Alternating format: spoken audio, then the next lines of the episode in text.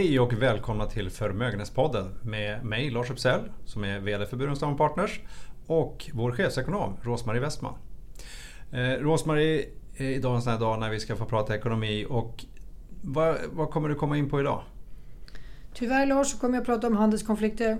Det är väldigt tjatigt men det är ju inte vi som sätter agendan utan det är ju omvärlden. Sen kommer vi in på Fed och kanske en räntesänkning och vi kommer också kommentera hur det går för Sverige.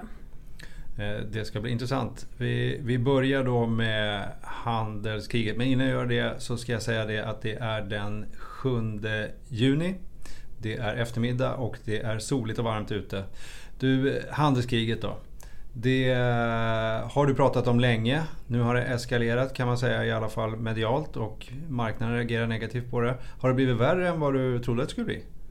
Ja, det kanske det har blivit faktiskt. Ehm, en av de faktorerna eh, som bidrar till att det har blivit värre är kanske faktiskt eh, att e- USAs ekonomi har gått ganska bra här inledningsvis i, under 2019. Det har gett ett utrymme för Trump att eskalera. De vill ha ut så mycket som möjligt av det här avtalet. Det går ju inte att förhandla om så hemskt många gånger. Eh, och då har man passat på helt enkelt när den egna ekonomin är stark. Ehm, men man har nog också underskattat hur mycket kineserna vill fightas emot detta. Så man krävde lite för mycket och eh, kineserna kastade in handduken och då eskalerade Trump. Ehm, det var de säkert inte förvånade över i, eh, i eh, Kina på något sätt. Sen har vi lagt till det här med Mexiko på slutet. Eh, så det är krig, handelskrig på många fronter nu och eh, jag tror det där stör ju kongressen och republikanerna mer än någonting annat att man har börjat ge sig på Mexiko kanske igen då med, med handelstullar för det har stora implikationer. E ekonomiskt så är det faktiskt en större fråga tror jag för näringslivet i USA än det som man håller på med mot Kina. Då. Eller minst lika stort i alla fall. Ja. Eh, kommer det någonsin ta slut det här? Det är så det känns i alla fall. Ja, det kan man också tvivla på faktiskt. För att, eh, vi har ju sagt det förut att om det skulle bli slut på de här två sakerna så är ju Europa på tur. Eh, så man är väldigt väldigt seriöst oroliga i Europa för att man ska komma med biltullar. Och man har visserligen sagt att man ska vänta i sex månader men det vet man inte riktigt om man kan lita på. Men för att ta den andra frågan först då. När jag slutar det som är det mest kritiska nu då. Då finns ett datum 28-29 eh, juni där är ett G20-möte i Osaka i Japan. Och det blir väl deadlinen i närtid tror jag. Där måste någonting positivt ha hänt och eh, man kan säga att det har deeskalerat lite grann nu den senaste veckan. Inga nya åtgärder har kommit nu på en veckas tid. Och det är ju en ren förutsättning för att man överhuvudtaget ska hinna närma sig varandra till den 28. Så det tror jag kan man tolka lite positivt. Vi har lugnare i marknaden nu. Vi har en eh, återhämtning på en 4-5 procent nu från botten som vi satte här förra veckan eh, botten och botten, men ja. ja, den här stora korrigeringen som blev då eh, på, under månaden, maj månad, eh, har kommit tillbaka lite grann. Ja, och det var väl Fed som kom ut här som räddaren och, och lugnade marknaden. Eh, tror du det kommer komma en räntesänkning nu? Ja, vi har varit inne på det egentligen för hela året att det skulle komma och då mer som en eh, reaktion på att eh, ekonomin blir svagare i USA under året. Vi har inte haft så många tecken på det än så länge men det har varit vår grundtro. Nu lägger man ju lök på laxen kan man säga med de här tarifferna och det kommer ju störa den ekonomiska aktiviteten och det kommer då påskynda kanske behovet och det finns de i marknaden nu som tror att de kommer eh, agera redan i juli. Eh, Paul som är centralbankschef han har sagt att de är redo att agera om tullarna påverkar ekonomin negativt. Eh, och det, kanske, det gör det väl men det kanske inte finns så många konkreta bevis på det än. Jag skulle tro att de väntar till september. Det finns möten både i juli och september. Jag skulle, jag skulle snarare satsa på september tror jag. September är ditt tips. Eh, apropå Fed så de ska också göra en översyn över sina processer Eh, vad innebär det? Mm. Varför gör man det? Man gör en intern utredning då av den processen där man sätter räntan helt enkelt. Och jag tror att eh, alla centralbanker världen över nu är nog ganska nervösa. Dels för sitt oberoende. Eh, de tror att de ska få mer in, eh, politisk inblandning. När inte tillväxten blir som den ska så tittar man ju på centralbanken, hjälp från centralbanken. Och, så de behöver bättre kanske inte verktyg, men de behöver förklara sig ännu bättre vad de gör. Sen kan det ju vara så att de vill hänvisa till strukturella faktorer, att de vill minska betydelsen av sina egna insatser. Eh, pekar då på andra faktorer som behöver tas i beaktande och då är det ett sätt att eh, undgå kritik helt enkelt. Så det är nog ingen eh, det är ingen tillfällighet att många kommer behöva göra det. Det blir lite navelskåderi helt enkelt framöver. Och Powell han, eh, vi pratade om det förra gången också, men eh, han sitter lite löst också, eller? Ja, det tror jag han gör. Eh, och det tror jag han känner. det är väl det som skulle kunna motivera att han agerar då snabbt i juli, men, men jag tror att det kommer gå lite för snabbt för att man ska hinna med då i vad de egentligen pekar på. Det har ju blivit så att centralbankerna pekar ju sällan ut en ekonomisk riktning, utan de följer det som statistiken visar. Och om det ska finnas siffror på en rejäl inbromsning eh, där man kan hänvisa till tariffernas skada på ekonomin, då tror jag att vi är någonstans eh, i, eh, i, ja, till hösten.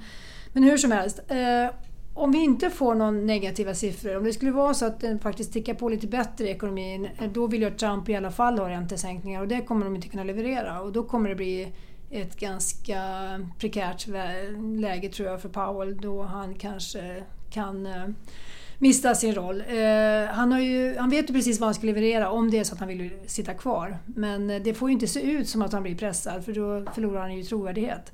Så han har en balansgång att gå här framöver. Ja, och vi får nog anledning att komma till det också i och med att det här med att Riksbankerna ska vara fristående har ju varit... Hur länge har vi haft det så nu? 30 år? Ja, vi har haft det i alla fall sedan 90-talets mitt eh, med inflationsmål och annat och det finns ju centralbanker som har haft sitt oberoende längre än så. Så att det vore ett stort skifte och det mm. får anledning att komma tillbaka till om, om eh, i den frågan. Du, ECB då? De säger sig vara redo att agera de också. Eh, och vad, vad, krävs för att de ska göra någonting stimulerande? Mm.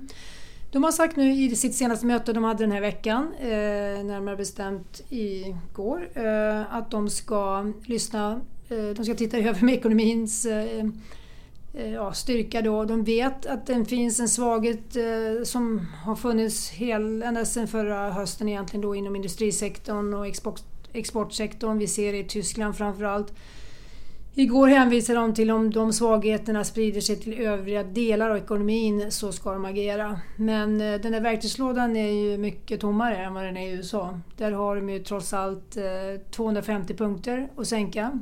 Det är ju ganska mycket. Det kan man sänka en bra tag. Eh, medan då ECB har ju inte hunnit höja överhuvudtaget. Och eh, den här depositräntan de har den är ju redan nere på minus 0,4 så det är frågan om de vill sänka den ytterligare minus och det tror jag de är redo att göra men jag tror ändå att eh, uppfattningen kommer bli att det där gör på marginalen ganska lite till, som stimulanseffekt. Men eh, de kan ju också köpa andra typer av obligationer, de kan ju kreera något nytt program helt enkelt. Ja, det, finns, det är säkert inte tomt, det finns någonting kvar. Det kan komma någonting. Mm. Du nämnde här att eh, Fed har 250 punkter att sänka men jag måste ju påminna dig om att nu är ju inte noll den nya botten längre utan kan, man kan ju gå negativt också. Det kan man göra men Fed har aldrig varit på negativt så för dem eh, så får vi räkna nolla som botten än så länge. Ja, okay. du, vi blickar över lite grann mot eh, Sverige då. Eh, går Sverige sämre eller bättre än övriga Europa? Vi kan, kan, jo, vi går bättre får man väl säga. Vi går ju klart bättre än euroområdet här i början på året. Och eh, det har inte blivit lika dystert som man kanske hade förväntat sig. Så lite bättre fart i industrisektorn, eh, konsumtion okej okay, och sen faller bostadsinvesteringarna men kanske inte riktigt lika dramatiskt eh, som det skulle kunna ha gjort. Men eh, vi har ju lång tid kvar och eh, man drar en lättnadens suck nu att bostadspriserna har stabiliserats under våren och en del tror till och med att de kommer öka här resten av året. Jag är inte lika övertygad för det hänger väldigt mycket på hur konjunkturen i övrigt går och då tänker jag även på hur det ser ut globalt. För vi kan få mer svaghet via vår exportsektor som sen sprider sig vidare. Och eh, det är ju inte någon vidare fart på konsumtionssidan utan våra hushåll är ju ganska, ja, ganska försiktiga trots allt. Och det hör ju ihop med bostadssektorn, att det spiller över. Eh, om den viker ner och man inte har samma likviditet i sina bostäder och inte samma vinster utan kanske tvärtom sitter med negativt eh, eget kapital som man säger då, om priserna går under det man har köpt så kommer det vara lite hämmande. Så varan är nog inte över men eh, det känns ju ändå bra att det inte har blivit mer eh, dramatiskt än så här, så här långt. Och, ehm, så ja, det känns lite bättre skulle jag säga. För stunden definitivt. Vi kan titta på Riksbanken. De höjde sin prognos för eh, BNP för Sverige från 1,3 till 1,7 vid sitt senaste möte. Då, det är en ganska kraftig höjning. Det är en ganska kraftig höjning ja. och de gör det. Alltså de, de, de höjde på grund av att utfallet för fjärde kvartalet har blivit väldigt bra. Um, och uh, ja, Så det kan lika gärna svänga runt igen. Så det, man ska inte ta det för, för en prognos som de håller, kommer få hålla fast vid uh, om det är så att uh, det, det, det minskar aktiviteten i ekonomin. Men, men um, 1,7 i den här omvärlden och inte minst relativt eh, hur det ser ut i Europa känns ju rätt högt för tillfället. Så det skulle vara ganska bra. Och jag tänkte på, vi har pratat tidigare om den eh, svenska svaga valutan mm. i förhållande till omvärlden. Och det kanske är negativt för alla som ska eh, åka på semester här snart och i andra delar av världen. Men för just exportindustrin så är det en, en form av doping kan man säga. Hur stor effekt tror du det har haft? Ja, det har säkert haft en viss marginell effekt, det tror jag. Mm. vi, ehm, eh, alltså, exportsektorn är inte lika beroende av den här dopingen som de har varit. Eh, det har varit eh, de har dirigerat sina inköp och allt det här. Så deras exponering i kronor är inte lika stor som den har varit. Då, alltså den här relationen mellan euron och dollarn relativt kronan. Men eh, det kan absolut ha gett en liten buffert. Och eh, kronan har nu, efter alla diskussioner, så har den faktiskt varit ganska stabil de senaste månaden, 5-6 veckor här och har eh, inte satt några nya högsta nivåer utan den har tagit lite paus helt enkelt efter alla diskussioner. Och det kanske har bidragit de här lite mer optimistiska tonerna om, om hur det har gått för Sverige. Och då får vi hoppas att den håller sig så, så att eh, alla svenska semesterfirare får eh, lite grann för pengarna i alla fall under semestern. Vi får hoppas på det. Då tar vi svagheten senare i höst istället. Vad bra, då avslutar vi där för idag. Hej då och på återhörande längre fram. Hej då.